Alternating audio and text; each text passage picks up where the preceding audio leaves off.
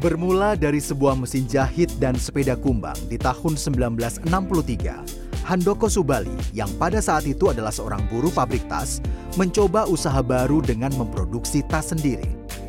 Produk tas pertamanya adalah hasil desain sang istri Elizabeth Halim. Berawal hanya memproduksi 6 hingga 1 lusin tas travel.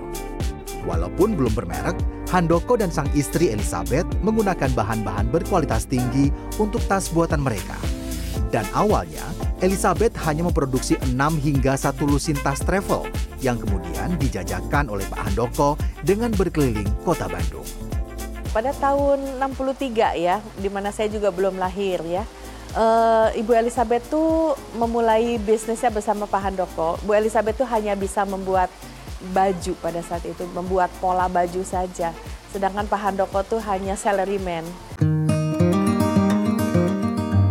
Awal memulai usaha mereka, Lisa Subali, putri dari Elizabeth Halim dan Handoko Subali bercerita bahwa produk mereka sering ditolak konsumen.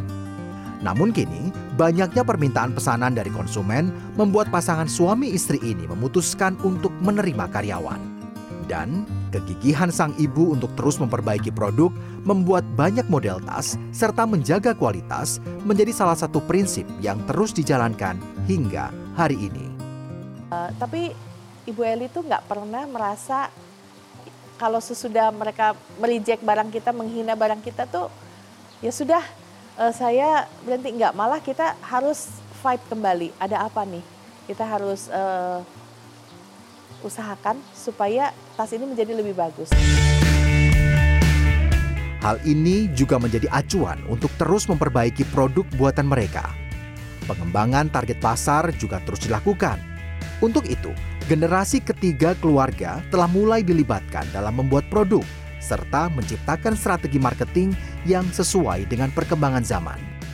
Menghargai uh, anak muda punya ide gitu. Anak muda yang berkreasinya tuh luar biasa gitu. Jadi mereka juga udah mulai appreciate kita. Teamwork lah gitu. Uh, jadi kita bakal uh, selalu bisa ngeluarin uh, something yang special karena teamwork itu sih sebetulnya. Operasional perusahaan kini sudah banyak dipegang oleh generasi kedua dan ketiga keluarga. Para pekerja masih merasakan support dan budaya yang sama seperti saat Elizabeth dan Handoko terjun langsung dulu.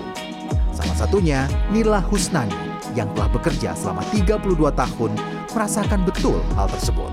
Saya punya atasan yang memang uh, bisa memberikan kepada saya support dan selalu uh, keluhan-keluhan saya mereka membimbing, memberi arahan kepada kita sehingga uh, saya bisa bekerja dengan nyaman.